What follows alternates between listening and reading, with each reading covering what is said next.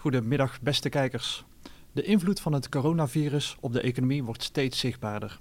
Hadden we in het begin eigenlijk alleen maar last van minder lading uit China, nu zijn hele supply chains ook in Europa verstoord. Hoe houd je als verlader je supply chain draaiende in deze moeilijke tijd? Daarover gaan we het hebben tijdens dit webinar. Mijn naam is Bart Pals, ik ben hoofdredacteur van Nieuwsblad Transport. En normaliter zitten mijn gasten hier aan tafel, maar zoals u ziet is de studio leeg. Vanwege corona-voorzorgsmaatregelen zijn onze gasten ingelogd via een videoverbinding. Excuses als daardoor de geluids- en videokwaliteit soms iets minder is dan u van ons gewend bent.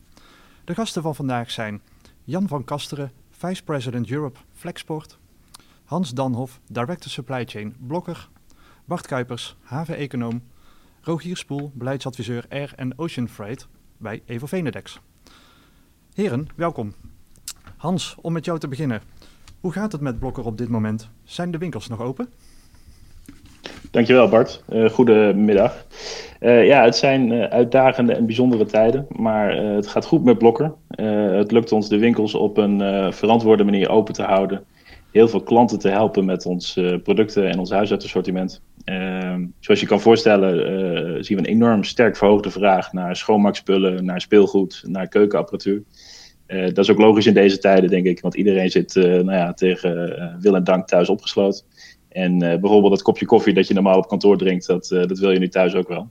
Uh, dus, dus ja, het gaat goed met Blokker. Na een aantal weken met een fors hogere omzetindex in de afgelopen weken zien we dat nu eigenlijk stabiliseren als gevolg van de strengere overheidsmaatregelen. maar dat blijft zeker op, op peil voor Blokker. En die, die producten die je net noemde, ehm, zijn ze nog, is de voorraad nog een beetje op peil en komen de nieuwe voorraden ook nog binnen? Ja, de voorraden zijn nog op peil. Uh, ik zal straks uh, later even kort toelichten welke voorzetsmaatregelen wij allemaal hebben genomen. Dus op dit moment zien wij geen grote beschikbaarheidsuitdagingen. maar net als iedereen in de markt is er natuurlijk extreme onzekerheid. En ja, is het heel snel schakelen om, om dat zo te houden. maar voor nu geen enkel probleem. Ja. En welke invloed heeft de coronacrisis op dit moment op de supply chain van een blokker? bijvoorbeeld, ik kan me voorstellen dat de volumes anders zijn, dat er misschien wat bottlenecks zijn ontstaan. Ja, nou ja, je ziet, het is wel een grappig wat je voor verschuiving ziet in een hele korte tijd. Uh, als je het hebt over supply chain disrupties. Uh, het begon begin dit jaar natuurlijk met een, uh, een probleem aan de inkoopzijde van ons bedrijf. ja, heel ver weg in China ergens. maar eigenlijk is dat in razend tempo omgeslagen naar een probleem ook aan de verkoopzijde van ons bedrijf. met de uitbraak van het virus in, in Nederland en Europa. als je kijkt naar de inkoopzijde, dan hebben we twee uitdagingen. Uh, de eerste, dat is de duidelijke, en dat is een ongepland gat van ongeveer zes tot acht weken in de aanvoer van goederen uit het Verre Oosten als gevolg van die coronamaatregelen in China. Nou dat komt natuurlijk bovenop de vier weken met uh, geplande vier weken van Chinees nieuwjaar. Uh, maar daardoor zien we wel dat we door de buffers heen gaan schieten op de hardlopende artikelen. En dat raakt met name ons private label assortiment, wat mee to order geproduceerd wordt in China. Ongeveer 30% van ons assortiment. Uh, dat is aan de China-kant. Dat is het eerste probleem aan de, aan de inkoopzijde. Uh, de tweede is dat we een uh, redelijk onregelmatige aanvoer zien van goederen uit, van onze Europese leveranciers. veel van deze producten indirect ergens in de supply chain komen toch ook uit China. En die hebben te maken met hetzelfde gat als dat, dat ik net beschreef voor ons eigen assortiment. maar daarbovenop voor Europese leveranciers komt nog het effect van een zeer snel verhoogde vraag. Denk bijvoorbeeld aan schoonmaakproducten. Uh, maar ook de effecten van die uh, diverse lockdown-maatregelen in Europa, uh, die daar toch de boel wel onder druk zetten. Ja, en, en, maak je je daar ook zorgen over voor de komende maanden? ja, dat, is, dat zet ons allemaal op scherp en daar moeten we heel snel op anticiperen. En dat zal nog hele hoofdbrekens met zich meebrengen. Dus ja, de winkels volhouden in deze tijden is absoluut een uitdaging. dus aan de, aan de inkoopzijde die twee dingen. Aan de verkoopzijde, en dat is een heel ander probleem, zie je een hele andere dynamiek. Uh, daar zie je vooral nu capaciteitsdruk op de distributie als gevolg van een toenemende vraag. Denk aan al het uh, hamsteren van consumenten en die veranderende klantvraag. Uh, maar tegelijkertijd zie je ook een dalende capaciteit als gevolg van ziekte, als gevolg van al die extra veiligheidsmaatregelen. En ja, dat zet de capaciteit in de distributie naar de winkels en online best onder druk. en we zijn als een gek aan het werven op onder horecapersoneel. En we hebben in de afgelopen drie dagen ongeveer 55 man laten instromen om de capaciteit daar maar op peil te houden. Dus ook een supply chain disruptie, maar heel anders. Uh, en hetzelfde zie je uh, voor de verschuiving tussen de kanalen. Dus de omzet schuift langzaam van de offline in de winkels naar online als gevolg van alle maatregelen die genomen zijn. Uh, dus we zien een groei van ongeveer nou, bijna 300% op ons online kanaal. En dat zet natuurlijk enorm veel druk op de schaalbaarheid van die processen en op bijvoorbeeld PostNL, om die pakketjes ook thuis te krijgen bij de, bij de mensen. Ja, dus topdrukte, dus ziet, dus topdrukte in de distributiecentra, begrijp ik. Absoluut, ja, absoluut. Alle hands aan dek. Ja. En hoe zijn de vooruitzichten voor Blokker op dit moment als het gaat om de supply chains en dus de aanvoer van producten? Ja, op de, uh, de korte en de middellange termijn is die onzekerheid natuurlijk extreem. Dus ja, alles wat ik ga zeggen is koffiedik kijken. Uh, maar goed, dat, uh, daar zijn we hier voor. kijk, aan de verkoopzijde zijn we volledig afhankelijk van de overheidsmaatregelen. Ja, en daar durf ik nu geen goed woord over te zeggen. Dat is echt aan, aan de overheid om daar ons goed doorheen te loodsen. Het enige wat je als bedrijf kan doen is daar zo flexibel en, en snel mogelijk doorheen sturen. aan de inkoopzijde van het bedrijf, dus onze toevoer naar de DC's daar zien we wel positieve ontwikkelingen nu in China. Daar is de productiecapaciteit voor ongeveer 80 tot 90 procent weer hersteld. En gaan ook inmiddels de eerste containers met spullen weer op de boot. Wel zien we veel problemen bij toeleveranciers van met name de grondstoffen ergens in het binnenland. En dat zorgt voor best wel wat gedoe met deelleveringen, gesplitste leveringen. Dus nou ja, dat, dat is lastig. Maar bottom line komen we daar wel uit. En dat assortiment gaat snel weer stromen en dat komt weer aan. Uh, ik zie een grotere onzekerheid bij de Europese leveranciers. Uh, op dit moment. Uh, daar hebben we te maken met best wel complexe supply chains, veel verkeer over de EU-lidstaten heen, veel overheidsrestricties, variërend van een grenscontrole tot een volledige lockdown in bijvoorbeeld Italië.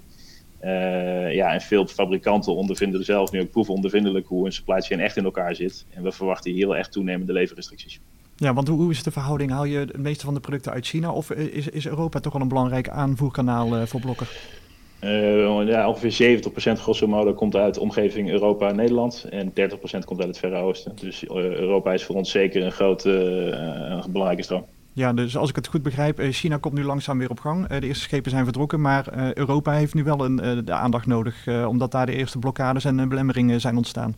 Want, ja, ja, absoluut. En dat is natuurlijk heel moeilijk schakelen, want dat is ja, in een land in lockdown is het heel moeilijk om daar de productie en de distributie op gang te houden en te krijgen. Uh, dus daar zien we immense uitdagingen. En ja, de tijd zal leren hoe dat zich gaat ontwikkelen. Dat is nu te vroeg om dat echt te zeggen. Maar we zien wel nu de eerste orders afbesteld worden als gevolg van uh, restricties en leverproblemen. En hoe kun je als verlader omgaan met dat soort restricties? Want het is per land weer anders. Uh, ja, de, ladingen naar, naar, naar Italië en vanuit Italië gaan, gaat de overheid weer anders mee om dan bijvoorbeeld Duitsland en Polen. Ja, ja, het is echt schakelen met de leverancier, met de transporteurs om te zoeken naar de beste oplossingen. Daar is geen one-size-fits-all oplossing, maar dat is echt de hypercommunicatie tussen de verschillende partijen. En soms is elke orde gewoon een project. En uh, ja, daar, daar moet je op naar handelen. Dus een uitdagende tijd om supply chain manager te zijn bij, uh, bij Blokker. Voor het, ja, ik denk voor veel bedrijven. Gelukkig niet alleen Blokker, maar ik denk dat uh, ja, de, de, de, alle bedrijven hier op dit moment mee worstelen. En dat is, uh, dat is geen makkelijke puzzel. Wel, wel een spannende puzzel, maar geen, uh, geen makkelijke. Nee, en alle supply chain managers werken nu vanuit huis of komen ze toch nog samen op kantoor? Nee, ons volledige hoofdkantoor is gesloten voor fysiek be bezoek. Dus iedereen werkt vanuit thuis. Uh, ik moet wel zeggen dat het mij verbaasd heeft hoe snel die omslag is gegaan van uh, fysiek werken naar digitaal werken. En hoe, hoe we ook de boel overeind kunnen houden. En we zien zelfs een beetje een stijgende productiviteit van iedereen. Dus nou, dat is een mooi bijeffect van een hele nare situatie. Ja, en wat is verder nog interessant om te weten op dit moment over de supply chains van Blokker, over wellicht aanpassingen of voorspellingen? Nou, we hebben vier maatregelen genomen om hier zo goed mogelijk doorheen te laveren. En, uh, en zo goed mogelijk de beschikbaarheid op peil te houden. Uh, direct zo gauw we in, uh, in China de eerste signalen van deze ontwikkelingen zagen, begin dit jaar, hebben we direct de veiligheidsvoorraden op ons kernassortiment omhoog geschroefd. Als reactie op die supply-onzekerheid. Dat hebben we voor acht weken ongeveer gedaan op ons Verre Oosten assortiment. En voor vier, weken, vier tot vijf weken op onze Europese stroom. Ja, en dat, dat werpt nu zijn vruchten af. We hebben net voor de uh, stilte voor de storm hebben we onze DC's kunnen voorzetten. Uh, en dat uh, dateren we nu op met die weken veiligheidsvoorraad. Dat houdt niet oneindig aan, maar het helpt ons nu wel door de storm heen. Het tweede wat we gedaan hebben is het hele team en het hele bedrijf een rigoureuze focus op het A-assortiment. Negeren even al die C-assortimenten voor nu. door alle plancapaciteit, al het werkkapitaal, alle leverancierscontacten in te zetten op ons strategische kernassortiment zijn we veel effectiever om onze omzet hoog te houden in deze tijden. Uh, en hier geldt de klassieke Pareto-regel, waar 20% van je producten 80% van de omzet doen. En, en, een consument accepteert in deze tijden ook tijdelijk wel een smaller assortiment, zolang je je kernproducten maar overeind houdt. Dus dat is het tweede wat we gedaan hebben. Uh, derde is dat we heel snel bezig zijn met het herzien van alle forecasts op basis van die nieuwe klantbehoeften. Sommige groepen gaan wel tien keer over de kop in omzet. Denk bijvoorbeeld aan schoonmaakproducten. andere gaan juist een factor 10 omlaag. Denk bijvoorbeeld aan koffers. Ja, deze extreme disrupties worden door de klassieke forecasting replenishment software meer gezien als een outlier. En die kan daar niet zo snel op reageren. Dus daar zijn echt manuele interventies nodig. Uh, en het vierde en laatste, en dat is een beetje een open deur, maar is echt hypercommunicatie. Zorgen dat tussen onze inkoopkantoren, suppliers, uh, onze forwarders, elke order is soms een project en moet op die manier ook worden afgehandeld. Dus hoe meer we dicht op de bal zitten, hoe beter. Ja, helder. Hans, we komen straks weer even bij je terug. mocht u als kijker een vraag hebben aan Hans, de Director Supply Chain van Blokker, dan kunt u die stellen via het chatvenster en dan zullen we die hier behandelen in de uitzending. Ehm, over naar Jan. Jan van Kasteren, Vice President Europe Flexport. Um, ja, ik kan me voorstellen dat jullie best wel veel data hebben wat er allemaal gebeurt in de markt qua volume van vraag en aanbod. Uh, kun je daar iets over vertellen? Wat, uh, wat zijn de conclusies die je daaruit kunt trekken op dit moment? Dank Bart. Nou ja, het, is heel erg in lijn met wat, wat Hans ook vertelt. Hè. Uh, als je zegt een Q1, dat is heel erg een instorten van uh, uh, de fabrikantenmarkt in China. Hè. Dus na Chinees nieuwjaar bleven al die fabrieken zes tot acht weken dicht. Dat heeft echt geleid tot, tot minder productie en daardoor dus ook echt veel minder vraag naar, naar, naar capaciteit in de markt. En toen kwam er een soort van rare periode waarbij die fabrieken langzaam weer online gingen. En eigenlijk gewoon het Westen, dus Amerika, uh, Europa, nog veel purchase orders heen aan het schieten was. Want die dachten nog niet dat de vraag in ging storten. En toen zag je dat veel van die fabrieken die orders wel aannamen, maar niet echt de capaciteit hadden om dat te leveren. En dat leidde eigenlijk tot best wel wat cancellations bij de rederijen. Maar nu zijn we in een soort van omgekeerd spel terechtgekomen. En waarbij uh, de fabrieken in Azië eigenlijk allemaal weer op stoom zijn. En we hebben met 400 van de leveranciers van onze klanten een, uh, een steekproef gedaan. En dat bleek dat meer dan 80% is gewoon weer op volledige capaciteit. Maar nu zie je dat de demandkant het instorten is. En we zien dus tussen de 20 30% orders die nu al herroepen worden. En uh, je ziet echt de vraag naar, uh, naar capaciteit in de oceaanmarkt echt significant teruglopen. Omdat gewoon de consumentenvraag terug aan het lopen is in de US en in Europa. En wat betekent dat voor de sector als geheel als, als, als dat gebeurt? Nou ja, um, het is momenteel echt bijzonder volatiel. Dus ik denk dat je je moet het bijna differentiëren. Ik denk aan de oceaankant, uh, daar zit vrij veel capaciteit in de markt. Daar komt ook meer capaciteit bij. En dat betekent dus eigenlijk dat de rederijen uh, best gedisciplineerd moeten zijn om die aanbod van capaciteit in bedwang te houden. Dat zie je dus ook doen. Hè. Je ziet ze steeds meer uh, blank sailings, hè, dus, dus afvaarten eruit halen. En daarmee proberen ze eigenlijk de vraag en aanbod een beetje kunstmatig in stand te houden. Om te voorkomen dat de prijs instort. De luchtvaart kan natuurlijk compleet anders. Dat is, dat is totale chaos momenteel. He, daar zie je dat er uh, bijna alle passagiersvluchten uitgehaald zijn. Dus mensen moeten of met, met freighters vliegen of met tot freighters omgebouwde passagiersvliegtuigen. Natuurlijk alle normale schedules zijn eruit gehaald. En dus daar, uh, daar zie je nu uh, echt een tekort aan aanbod, een overschot aan vraag. En de vraag is een beetje hoe dat gaat ontwikkelen. Dat is ook echt koffiedik kijken. dat hangt ook erg van de consumentenvraag wederom in Europa en de US af. Ja, helder. En hoe, hoe zijn de prijzen eigenlijk op dit moment voor zowel air als ocean freight? Nou, ik denk, kijk, als je aan de oceaankant kijkt, dan begin ik eigenlijk met Azië naar Europa. Uh, daar zijn de rates, die, de, prijzen zijn vrij stabiel. Hè, zeker vast op het vrij stabiel tot het eerste deel van april. Uh, je ziet dat de, de, de rederijen vrij gedisciplineerd zijn in het, het, verminderen van afvaarten. En daarmee houden ze eigenlijk de prijzen uh, hoog. Als je kijkt naar de export vanuit Europa, daar is eigenlijk iets interessants gebeurd. Hè, omdat er in Q1 veel minder containers binnengekomen zijn. Dus er nu echt een zwaar tekort aan containers vanuit Noordwest-Europa. Nou, dat leidt eigenlijk tot, tot prijzen op de Far East Eastbound. Dus alles van Europa naar Azië toe. we hebben een PSS, een Peak Season Surcharge. Dus daar zijn de prijzen echt wel significant hoger. De Transatlantic, dus westbound, dus alles vanuit Europa naar de US. Uh, we verwachten dat de rates iets omhoog gaan uh, op 1 april. De schepen zijn vol. Wat je daar gaat zien is dat er natuurlijk wat containers binnen gaan komen vanuit Azië en dat de fabrieken in Europa gaan sluiten. Dus de vraag is hoe dat in stand gaat blijven uh, richting mei. Uh, dat hangt heel erg af van hoeveel productie er in Europa gaat zijn. Nou, de luchtvachtkant, wat ik al zei, dat is natuurlijk een soort van uh, rekkenhuis. en als ik ook met mijn mensen mijn team praat, die echt al twintig jaar in de industrie zitten, die hebben nog nooit zoiets gezien. Ik denk als je kijkt vanuit Azië naar Europa, prijzen vier keer zo hoog als normaal. dat gaat ook door heel april zo blijven. Uh, prijzen veranderen en capaciteit verandert met het uur. dat is ook een soort van voor verladers een advies. Als je echt iets hebt wat vanuit Azië naar Europa moet komen uh, en je krijgt een aanbod en, capaciteit, pak het. want als je er een uur over nadenkt, is het verdwenen. Uh, ik zag net ook dat de Chinese luchtvaartautoriteit 90% van de PAX capacity geschrapt heeft. maatschappijen mogen maar één keer per week per route nu invliegen naar China. Dat gaat nog meer vermindering meebrengen. Dus die situatie die blijft enorm volatiel. Uh, transatlantic, dus alles vanuit Europa naar de US, uh, drie tot vijf keer zo hoog als wat de prijs in januari was. Verwachten we dat het in april zo blijft. Uh, daar gaan we in mei een interessant spel zien. Hè. Mocht in mei nou in Europa productie weer opstarten, dan gaan de prijzen daar denk ik nog verder omhoog, want dan gaat die productie wel starten, maar we verwachten niet dat de passagiersvlucht in hetzelfde tempo weer opstarten. Dus dan gaat de, de, vraag naar vracht toenemen, maar we gaan niet de passagiersvlucht hebben waarin in de belly van die vliegtuigen ook de vracht vervoerd kan worden. Dus uh, om het op te sommen, ik denk uh, oceaankant ziet er wat stabieler uit. Uh, ik denk dat de equipment situatie vanuit Europa ook gaat verbeteren. Luchtvracht, wat ik al zei, gekke huis. Ja. En zie je ook uh, verschillen in modaliteit ontstaan? Dat iemand die bijvoorbeeld eerst altijd ocean freight uh, gebruikte, maar nu wat achterloopt in, in, in zijn, in zijn, uh, zijn voorraden, dat die air freight inzet? Of is dat prijsverschil gewoon te groot om te switchen?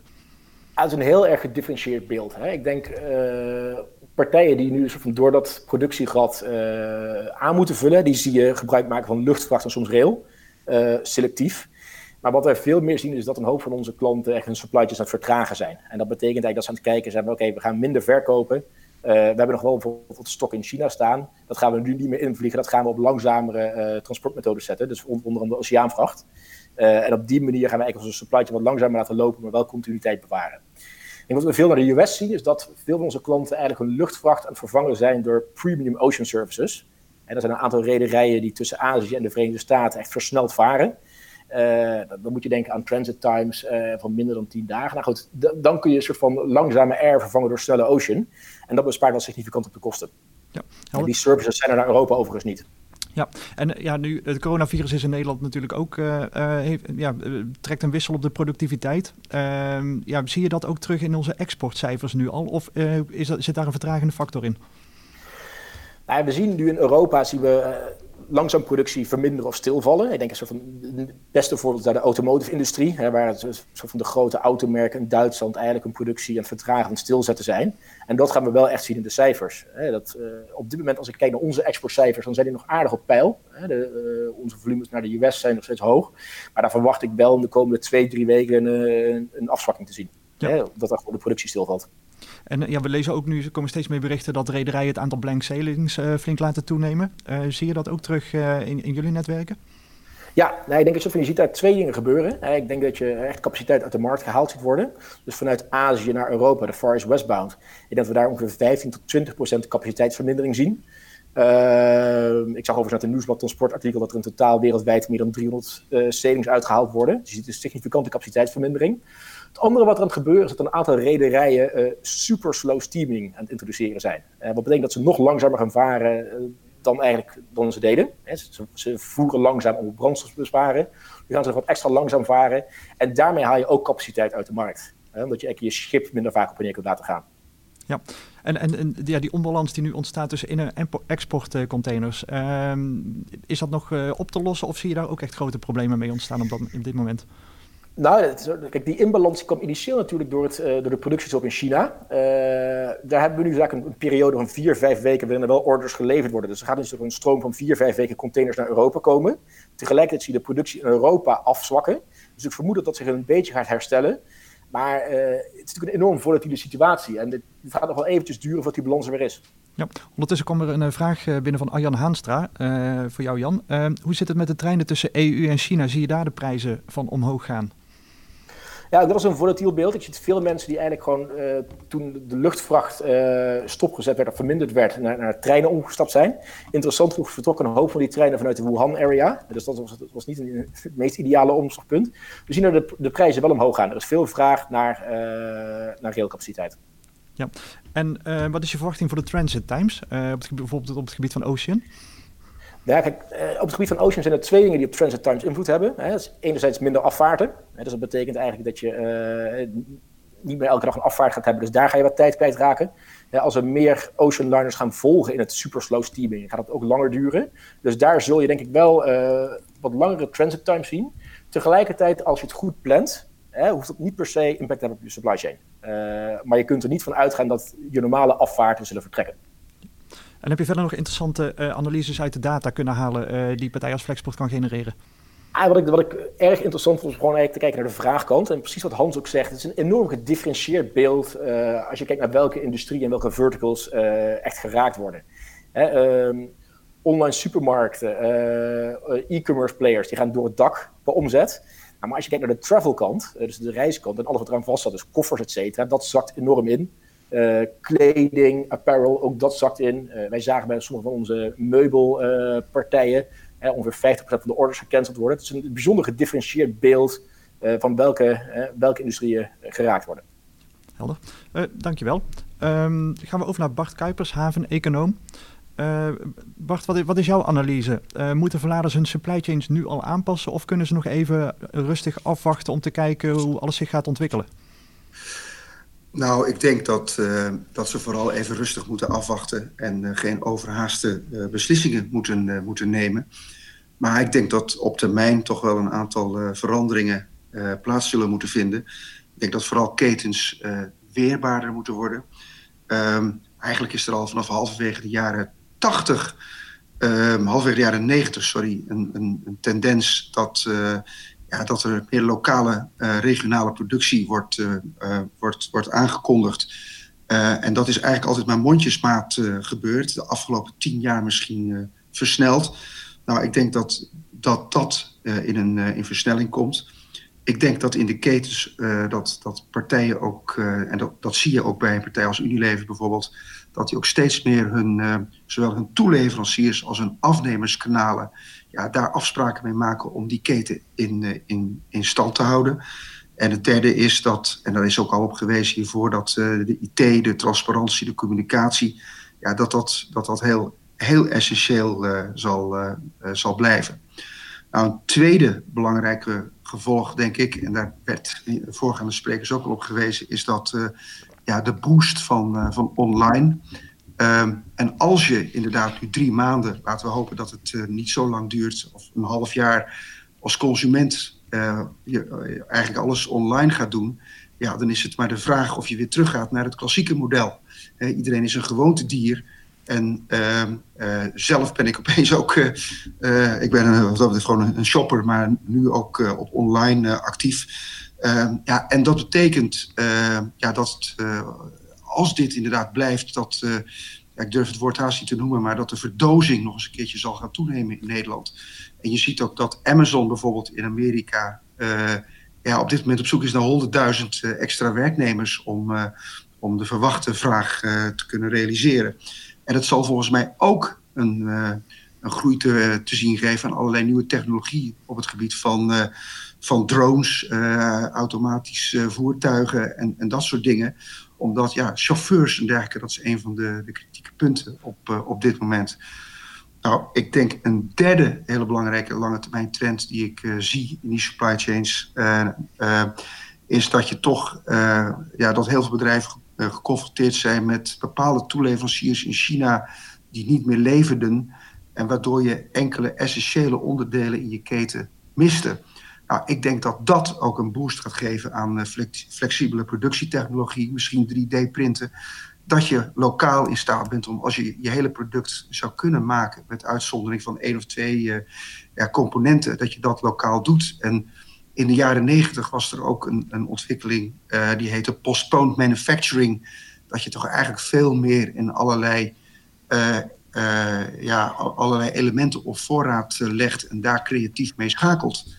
Dus ik denk dat dat soort nieuwe productietechnologieën, dat, dat, die er, dat die er komt. Nou, en een vierde belangrijke aangrijpingspunt is denk ik de containersector zelf. Ja, naast minder handelsbarrières wordt eigenlijk de containerisatie altijd gezien als een van de ontwikkelingen achter de globalisering. Nou, die globalisering neemt al een paar jaar af. Die global value chains die groeien niet meer zo erg, eigenlijk sinds de vorige crisis. En ik denk dat heel veel van de nadelen van, van die containerisatie, eigenlijk dat slow steaming wat al genoemd is, eigenlijk die grote schepen, eigenlijk maar één model hebben, namelijk hele grote schepen die langzaam varen, die onbetrouwbaar zijn. Ja, dat je toch ook eens moet kijken van, is dat niet ook een van de redenen achter die uh, afnemende globalisering? Nou, en daarnaast denk ik dat die, die dat stond ook in Nieuwsblad van Sport eigenlijk een paar weken geleden, dat de markt nu al zo was dat containerreders weer op, dat er weer op gevaar was dat er een op omvallen stond. Nou, ik denk dat als er één sector niet weerbaar is, dan is het de containersector die hebben enorme schulden. Um, de marktleider Maersk die staat net boven de junk-status. Um, en uh, ja, ze proberen allemaal wel te diversificeren. bijvoorbeeld door ook expeditieactiviteiten, terminals aan te bieden en, en dergelijke. Nou, ik denk dat het cruciaal is dat die weerbaarheid ook van die containerreders wordt, wordt vergroot in, in de toekomst. En ja, helemaal als je kijkt naar MSC, die en cruises doet, wat, wat helemaal ingestort is en, uh, en de container. Dus ik, ik ben daar erg bang voor, die, uh, de sector zelf. En als ik nu verlader ben en ik doe uh, zaken met, met die rederijen, moet ik ja. daar dan iets aanpassen in mijn supply chain? Of ehm, ja, zolang het goed gaat, gaat het goed? Nou, ik, ik denk dat wat hiervoor werd gezegd, dat je inderdaad de kansen moet pakken. En, en dat je nu even vooral niet, geen, geen rare stappen moet nemen. Ehm, ik las vanochtend in The Economist dat, dat er wordt verwacht dat de wereldhandel met 20% gaat instorten wat meer is dan in 2009. Uh, ja, en dat geeft eigenlijk al aan hoe, hoe groot dit wordt en on, onvoorspelbaar dit is. En, uh, dus ik, ik, ik, ik, uh, ik vind alle suggesties van, van, ehm, die hiervoor werden gedaan als voorverladers om in ieder geval alle kansen te pakken. Dus ik zou zeggen, doe nu vooral wat mogelijk is en ga hierna vooral kijken van wat je moet, wat je moet veranderen. Helder, uh, dankjewel uh, Bart. Gaan we over naar uh, Rogier Spoel, beleidsadviseur Evo Venedex. wat is jouw beeld op dit moment van de in- en export? Zo las ik vanochtend bijvoorbeeld bij ons in de krant dat tegenwoordig de vrachtwagens naar België alweer worden tegengehouden, omdat het geen essentiële goederen zijn in sommige gevallen. Ja, je ziet in Europa toch wel wat, wat ontwikkelingen per lidstaat die niet helemaal in de lijn zitten met wat we in Europa afspreken. Um, er zijn inderdaad uh, een paar momenten geweest dat uh, aan de Belgische grens uh, goederen zijn tegengehouden. maar het is na een, een, paar uur weer opgelost, omdat er dan ja, een soort wisseling van de wacht is. en die heeft dan nog niet ja, de goede instructies gekregen wat te doen aan de grens, kennelijk. terwijl er hele duidelijke afspraken zijn gemaakt en naar buiten zijn gebracht door de Europese Commissie. Die aangeeft al het goederenverkeer moet doorgang kunnen vinden binnen de Europese Unie. Uh, en als er al vertraging is aan de grens, mag het niet meer dan 15 minuten bedragen. Uh, helaas is het zo dat op dit moment uh, een aantal lidstaten daar nog niet aan voldoen. en het is even kijken de komende dagen hoe zich dat gaat ontwikkelen. Um, je ziet bijvoorbeeld bij Polen en ook Hongarije dat er toch best wel wat vertragingen optreden. ja, en ook die ontwikkeling met België ja, is een beetje moeilijk te duiden. Ook omdat er vanuit Belgisch opzicht ook een beetje irritatie zit in de regelingen die wij in Nederland hebben getroffen. Ehm, dat, dat creëert wat gevoeligheid. En dat maakt dat er bij sommige uh, grenswachten uh, er misschien wat steviger wordt opgetreden dan ook weer bij andere plekken. Dus je zal ook bij verschillende grensovergangen met België misschien weer een, een verschillend beeld zien. Uh, maar het is heel duidelijk. Europa, Ursula van der Leyen heeft een goed pakket neergelegd. Waarbij ze zeggen van ja, het goederenverkeer is essentieel. niet alleen medicijnen en voedsel, maar ook allerlei andere producten die vervoerd moeten blijven worden. Uh, uh, en als er al controles zijn, uh, mag het niet meer dan 15 minuten in, in, beslag nemen. In ieder geval de vertraging die dat oplevert. Um, als je dan vervolgens kijkt hè, van corona, wat, wat, wat doet dat voor onze in- en, export? Um, nou, als je naar export kijkt, is met name natuurlijk de, de sierteelt, snijbloemen, tuinbouw best wel zwaar getroffen, in het, in, vooral ook in het begin. wat je nu ook ziet, is natuurlijk vooral veel toeleveranciers aan, aan winkels die nu gesloten zijn, zoals bijvoorbeeld kapperszaken, horeca. Uh, maar ook uh, bijvoorbeeld heel veel evenementen die natuurlijk zijn afgelast, waar ook weer een hele industrie achter zit. Uh, aan standbouw, aan meubelbouw, aan ja, allerlei equipment die daar wordt gebruikt. ja, dat is natuurlijk allemaal nu stilgelegd tot 1 juni, dus daar zijn wel behoorlijke impact te merken. Tegelijkertijd zie je natuurlijk ook dat sectoren wel weer goed draaien, zoals bijvoorbeeld supermarkten, uiteraard de farmaceutische industrie en ook, ook e-commerce. ik ging natuurlijk ook thuiswerken. En uh, kwam natuurlijk achter dat ik geen laptop en geen, uh, geen muis had. Dus het eerste wat ik bestelde, was een, uh, maar een extra laptopje en een muis. Nou, ik ben niet de enige die dat volgens mij doet, want soms loopt de wachttijd al op tot twee weken voor een toetsenbord. En als je ziet dat sommige sectoren opeens wat het veel drukker hebben en andere sectoren volledig stil liggen, zijn de supply chains klaar om ook die fluctuaties op te vangen? Of zie je dat er in sommige sectoren acute problemen ontstaan met, met voorraden en, en belevering? Nou ja, ik denk ook net wel wat, wat, wat Bart ook wel aangaf. Uh, uh, sommige partijen die echt in de, in de just-in-time zitten, die, die hebben toch wel wat, wat problemen. je ziet ook wel dat bijvoorbeeld nou, de automotive-industrie werd natuurlijk al net aangehaald. Ja, als die afhankelijk zijn van één onderdeeltje, één boutje of moertje wat uit, uit China komt, ja, dan kan de auto niet gemaakt worden. Dus dan ligt gelijk de hele productie stil de hele toeleveringsindustrie ligt weer stil. Dus dat zijn wel echt wel dingen om, om te bekijken. Tegelijkertijd proberen wij wel vanuit Evo Venedex ook veel meer ondernemers met elkaar in, in contact te brengen. en samen te laten werken in het delen van magazijnen, in het delen van transportcapaciteit. daar wij ook een, een project voor draaien, Compose. en we proberen ook ja, allerlei artikelen te laten schrijven door bijvoorbeeld hoogleraren, maar ook vanuit Defensie, om een beetje wat ideeën mee te geven hoe je met deze situatie moet omgaan en hoe je ja, je supply chain resilience kan, kan gaan verhogen. Ja, helder. En ja, het verhaal van Ocean is, eh, is bekend uh, natuurlijk, zeker met de blank sailings. Maar is bijvoorbeeld Airfreight in staat om, om een stapje extra te doen? Of zijn die volumes uh, dermate niet vergelijkbaar dat er nooit in staat zal zijn om de gemiste volumes van Oceans op te vangen? nou ja, je, je, geeft zelf het antwoord aan. Die, die, die volumes die zullen nooit toereikend genoeg zijn. Het is ook net wat Jan eigenlijk aangaf. ik noem het bijna een soort Wild West bonanza nu met, op het gebied van, van vracht. Um, je ziet uh, um, eigenlijk uh, luchtvracht is altijd een beetje een ondergeschoven kindje geweest de afgelopen jaren in Nederland. En nu opeens uh, draait alles om, om luchtvracht. Schiphol heeft de deuren opengezet. Um, wij hebben daar ook voor gepleit samen met, met Air Cargo Netherlands om te zorgen dat niet gevlogen slots dat die beschikbaar kwamen voor vrachtvluchten. we hebben er ook voor gepleit van nou, kijk of je mogelijkerwijs passagiersvluchten nog kan laten vliegen tijdens zo'n vliegverbod met vracht. Om maar zoveel mogelijk capaciteit in die markt te brengen. Uh, want daar zit natuurlijk wel het probleem. Uh, de afgelopen jaren hebben veel maatschappijen geconcentreerd op uh, passagiersvluchten met vracht. En is het aantal vrachtvliegtuigen sterk teruggebracht. dus die pool aan vrachtvluchten is relatief beperkt. En ja, die vliegen nu als het ware de hele wereld over in allerlei ad hoc vluchten. en dat is ook wel gelijk weer de uitdaging voor veel verladers, is dat dat luchtvrachtnetwerk, dat dat overzicht er niet helemaal meer is. Daarom zijn we ook wel blij dat Schiphol eergisteren een overzicht heeft gepubliceerd van wat er binnenkomt en weggaat de komende vier dagen aan vrachtvluchten. Dat biedt in ieder geval voor verladers wat meer duidelijkheid over van welke markten worden nu bediend door welke maatschappijen. Uh, ook om in hun gesprekken met expediteurs te kijken wat er mogelijk is. Want uh, Jan gaf inderdaad aan van ja, tarieven gaan uh, ja, over kop tot, tot drie keer tot vier keer zo hoog.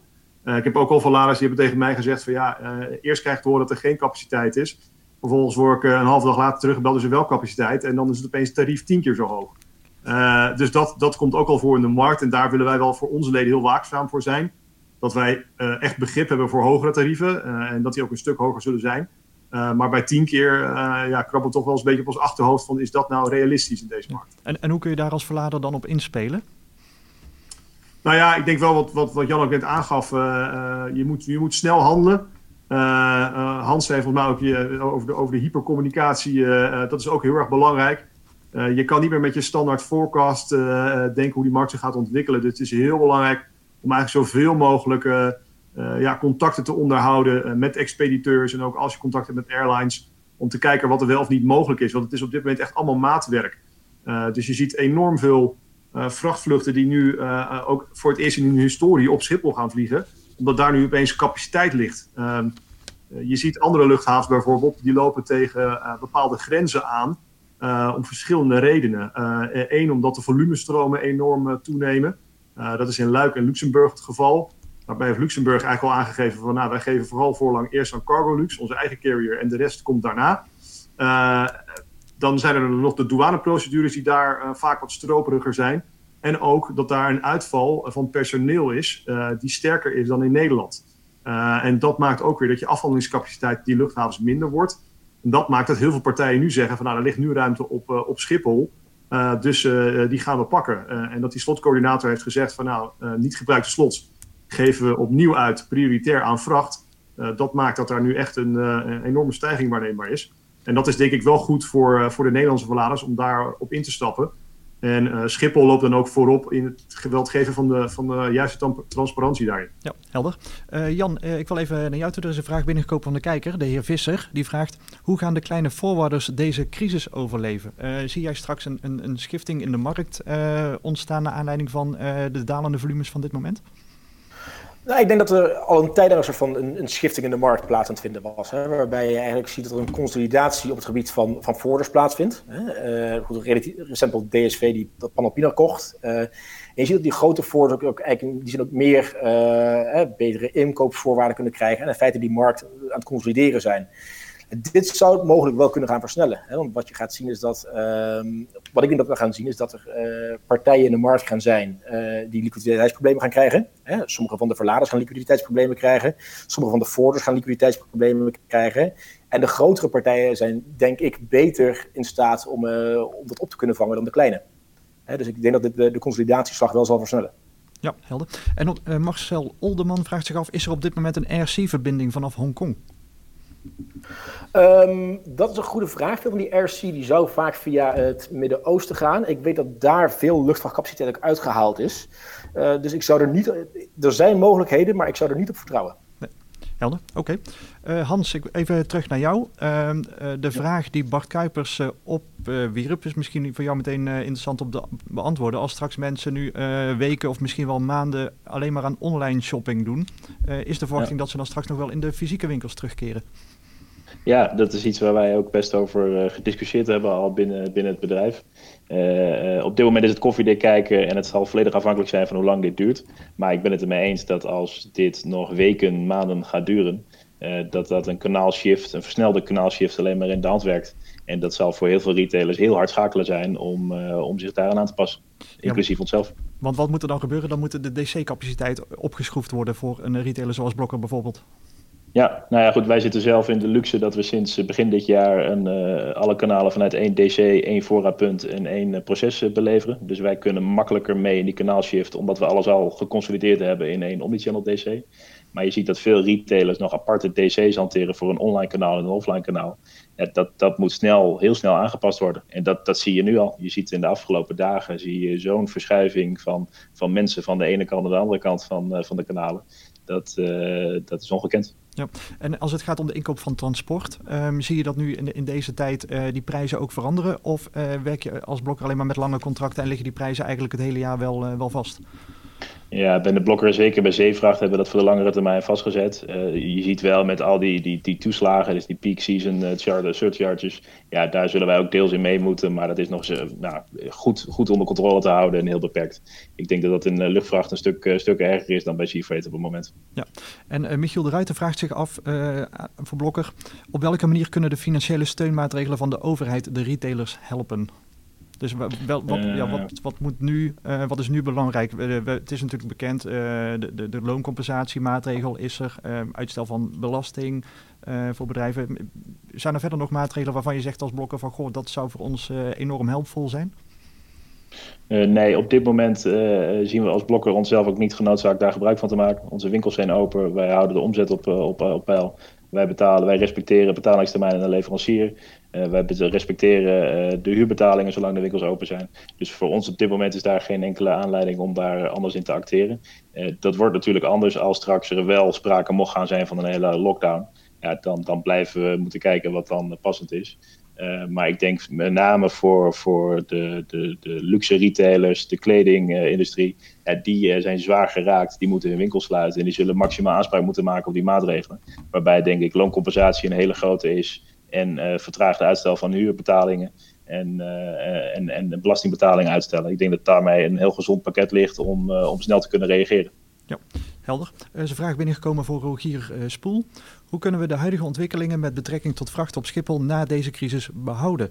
Met andere woorden, hoe houden we de slots voor vracht vast? Want nu blijkt dat luchtvracht toch wel een belangrijke modaliteit is.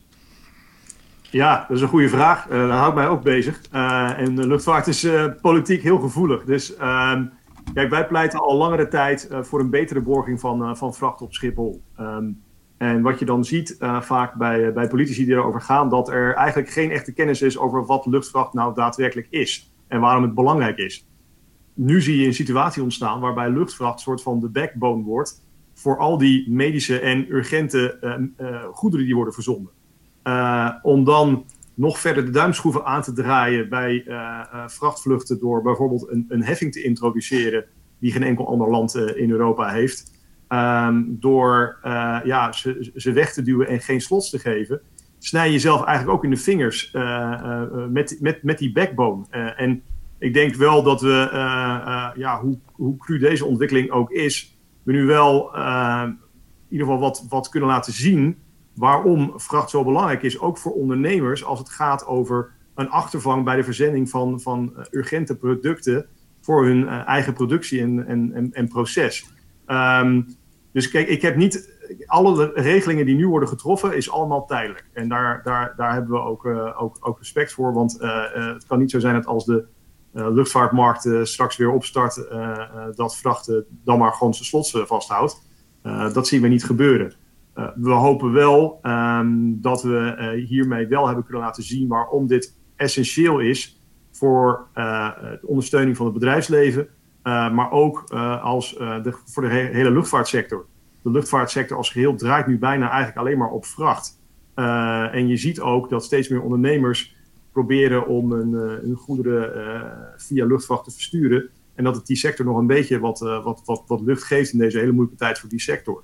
Uh, dus we hopen dat we, dat we hiermee uh, luchtvracht aan zich op de kaart hebben gezet.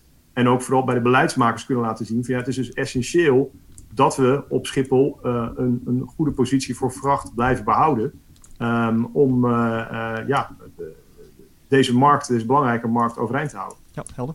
Even terug naar Jan van Kasteren. Um, ja, het aantal blank sailings uh, bij de rederijen neemt dus toe bij Ocean Freight. Hoe kan ik als verlader daarop inspelen om ervoor te zorgen dat ik daar niet de dupe van word? Nou, ik denk wat belangrijk gaat zijn is dat je met je, met je expediteur uh, in gesprek gaat en te kijken of daar een breed palet aan, aan rederijen onder ligt. Want rederijen gaan verschillende sailings eruit halen. Maar typisch houden ze nog wel, als je alle rederijen bij elkaar optelt, nog wel elke dag een afvaart. dus het is goed om denk ik, een gedifferentieerd pakket aan uh, onderliggende rederijen te hebben. Of allianties van rederijen. En dat gaat ervoor zorgen dat je in ieder geval wel uh, op veel momenten in de week nog een afvaart kunt pakken. Uh, op het moment dat je van één rederij afhankelijk bent, of van één alliantie, dan wordt de keuze al vaak wat, wat kleiner. Ja, dus uh, diversificatie en risico's spreiden, eigenlijk net zoals een, een goede belegger doet. Ja. Helder. Um, kijken, er zijn nog wat vragen binnengekomen. Uh, misschien wel leuk ook voor jou te beantwoorden, uh, Jan. Uh, gaat dit zorgen voor een herwaardering van de logistieke sector? Vraagt Stan de Kaluwe zich af. Nou ja, dat zou ik uh, graag hopen. Om, om, eerlijk te zijn, ik kom van buiten de sector toen ik hier begon. En wat mij verbaast is hoe vitaal de logistieke sector is voor de economie. Maar ook voor het, het is kloppend hart, het, het, het, het hart- en vaatstelsel van een bedrijf vaak. Want als de logistieke sector stilstaat, liggen er geen producten in de winkels, kan niemand wat kopen. En tegelijkertijd uh, behandelen we het vaak als het uh, de sluitpost op de begroting. En wordt het enkel op kosten gemanaged. Dus ik denk dat er een heel interessante, ik hoop een interessante discussie gaat plaatsvinden, een herwaardering. Waarbij we realiseren hoe vitaal logistiek is voor de economie. En om eigenlijk voor te zorgen dat consumenten een product in handen krijgen. En dat we ook gaan kijken naar andere factoren dan puur alleen de kostenkant. Maar ook betrouwbaarheid, uh, beschikbaarheid van goederen, et cetera. Uh, Bart Kuipers, uh, voor jou nog een vraag van Janneke Gramsberg. Wat is het effect van de coronacrisis op de binnenvaart, verwacht jij? Verwacht jij nog een model shift uh, extra of juist niet misschien? Oei, nou, ik, ik, ik denk, ik, dat, dat durf ik niet 1, 2, 3 zo te zeggen, dat dat het val, zal in ieder geval ook heel veel vragenuitval betekenen. Um, maar aan de andere kant, als we kijken naar het groeisegment van de, van de binnenvaart in het afgelopen jaar in Nederland, dat waren dan toch die, die distributiecentra. En heel veel van die distributiecentra werden toch aangejaagd door e-commerce. Dus het zal ook in. Uh, dus dat, daar zal het groeien in, in de containers richting uh, Waalwijk en, en Almelo en Venlo, noem maar op. anderzijds is er natuurlijk ook een grootschalige uitval van productiecapaciteit, de auto-industrie. Het is al gezegd, nou dat betekent weer de staalindustrie. Dus heel veel van de bulktransporten, de plasticindustrie, ja, daar zal de binnenvaart echt wel uh, klappen krijgen. Um, en um, ja, dus ook in de binnenvaart doet het ene segment het waarschijnlijk veel, veel beter dan het andere. Maar overal ja, zijn, zijn de berekeningen ook al gemaakt hoeveel het de sector per, per week gaat kosten. En dat is, dat is dramatisch. En eigenlijk wil ik ook zeggen wat, wat, wat Jan zegt van ook de binnenvaart, als er één sector veerkrachtig is en een ausdauer, een uithoudingsvermogen en een vindingrijkheid heeft, is het die sector. Hè, twee jaar geleden was het het laagwater. Uh, daar zijn ze ook, daar zijn ze, uh, ook overheen gekomen. Eh, en daar was inderdaad sprake van eh, enkele verschuiving van binnenvaart naar, naar spoor. En dat geeft ook nog maar eens aan ja, het effect van als je nu verschuift, ofwel als consument ofwel als producent, naar, naar andere opties ja, dat, dat heeft wel uh, ja, het risico van uh, dat, dat dat bevalt en dat je daaraan vast gaat houden. Dus daar zitten wel inderdaad gevaren aan voor de binnenvaart. Ja, misschien wel interessant om even aan Hans dan nog voor, te leggen. Um, hoe zit het met de modaliteiten binnen Blokker naar aanleiding van deze crisis? Zie jij daar nog een, een verandering op korte termijn en lange termijn optreden? Nee, de verschuiving tussen uh, van, van, van zeevracht naar luchtvracht is voor onze type producten gewoon niet opportun. Dat zijn echt de, de absolute uitzonderingen en daar, dat, dat, dat komt nauwelijks voor. Uh, dus dus ik, we blijven voornamelijk op zeevracht zitten. Uh, ik onderschrijf wel volledig wat Jan noemde. Is zorg dat je bij meerdere carriers aangesloten bent. Want als je nu op één carrier zit, dan zit je echt in de problemen. Dus hoe breder je dat uitspreidt, hoe, hoe makkelijker het wordt. Dat merken wij echt aan de eerste hand. Uh, voor het laatste stukje van Rotterdam naar onze warehouses uh, doen we nu veel met barging. Nou, dat gaat eigenlijk naar volle tevredenheid over, over Tiel. voor spoeddingen zetten we trucking in. Ook dat zal misschien wat schuiven, wat meer naar trucking, aangezien er wat meer druk op de supply chain staat. Maar ik voorzie daar op de lange termijn geen grote verschuivingen voor, voor blokken. Nee. En wat is het tot slot jouw tip voor andere retailers om ervoor te zorgen dat ze hun supply chains op peil kunnen houden in deze moeilijke tijd? Ja, ik denk dat het belangrijk is om, hoe moeilijk dat ook is, toch wel een beetje een lange termijn blik te houden in die supply chain besturing. Uh, als je nu ziet naar, al die gecancelde orders vanuit de lockdownlanden, dan is dat aan de ene kant heel begrijpelijk. Aan de andere kant, dat meet je toch in, hoe je het ook bent of keert, in een tijdsperiode van weken. Terwijl als je nu je hele orderportefeuille uh, schoonveegt, al je transportcapaciteit weggeeft, al je productiecapaciteit weggeeft, ja, dan heb je de rest van het jaar echt een probleem, uh, mocht de boel wel weer op gang komen. Uh, dus, dus ja, hoe moeilijk het ook is, je moet stabiel gefinancierd zijn om dat te doen, dat snap ik. Maar uh, kijk verder vooruit dan het hier en nu voor de komende weken. Helder. Hans, dankjewel. Jan van Kasteren, wat is tot slot jouw tip aan verladers die hun supply chain aan de gang willen houden in deze tijd? Nou, ik denk dat het heel erg begint wat Hans ook zei. Hè? Kijk heel goed welke SKU's, welke producten nou hard lopen en welke minder hard lopen. Want zo van jouw vraag gaat volledig veranderen. En die SKU's die hard gaan lopen, uh, ga daar met je voorder plannen uh, hoe je die zo snel mogelijk en zo goed mogelijk tegen de juiste prijs uh, binnenkrijgt. En ik denk het belangrijkste is informeer jezelf gewoon continu over de meest actuele situatie. Die verandert dagelijks. Hè? Of het nou vrachtwagens zijn die bij de Belgische grens tegengehouden worden. Het feit dat India momenteel compleet op lockdown zit, daar komt geen vracht meer uit. Hè? Dus, dus zorg dat je dagelijks informeert. Partner echt met je expediteur. Bouw contingency in.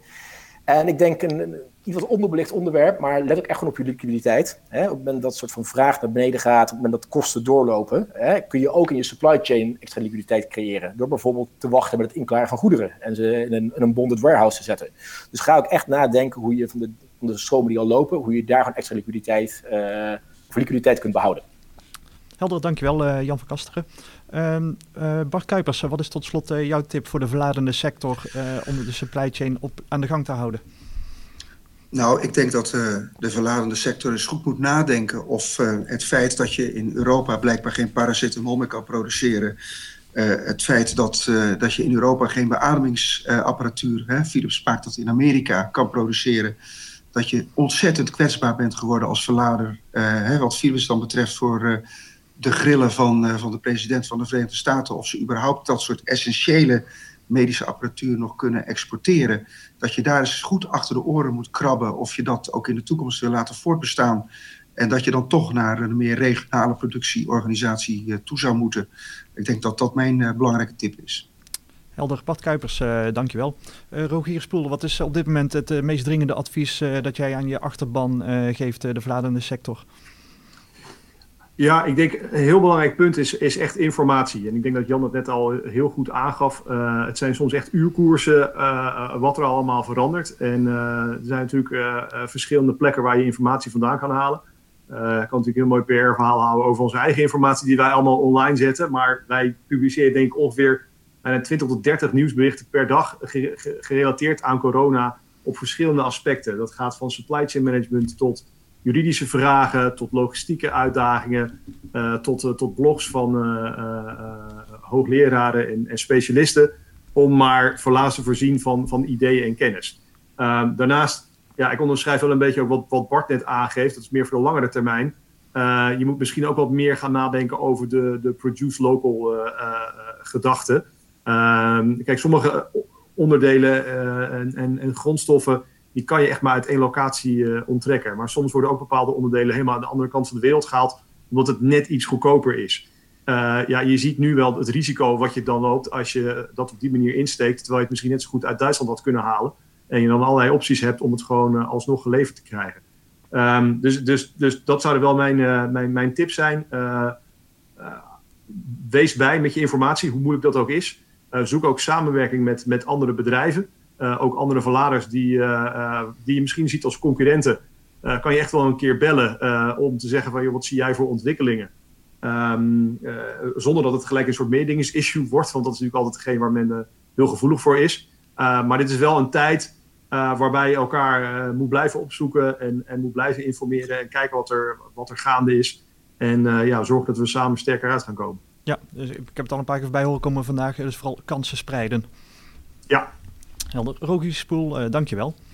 Dan zijn we hiermee aan het einde gekomen van dit webinar. En ik hoop dat uh, dit gesprek weer heeft geholpen om deze moeilijke tijd door te komen. Uh, de replay zullen we later vandaag beschikbaar maken op de website voor Nieuwsblad Transport. Voor nu bedank ik mijn gasten voor hun inbreng. Ik bedank u voor het kijken en tot de volgende keer.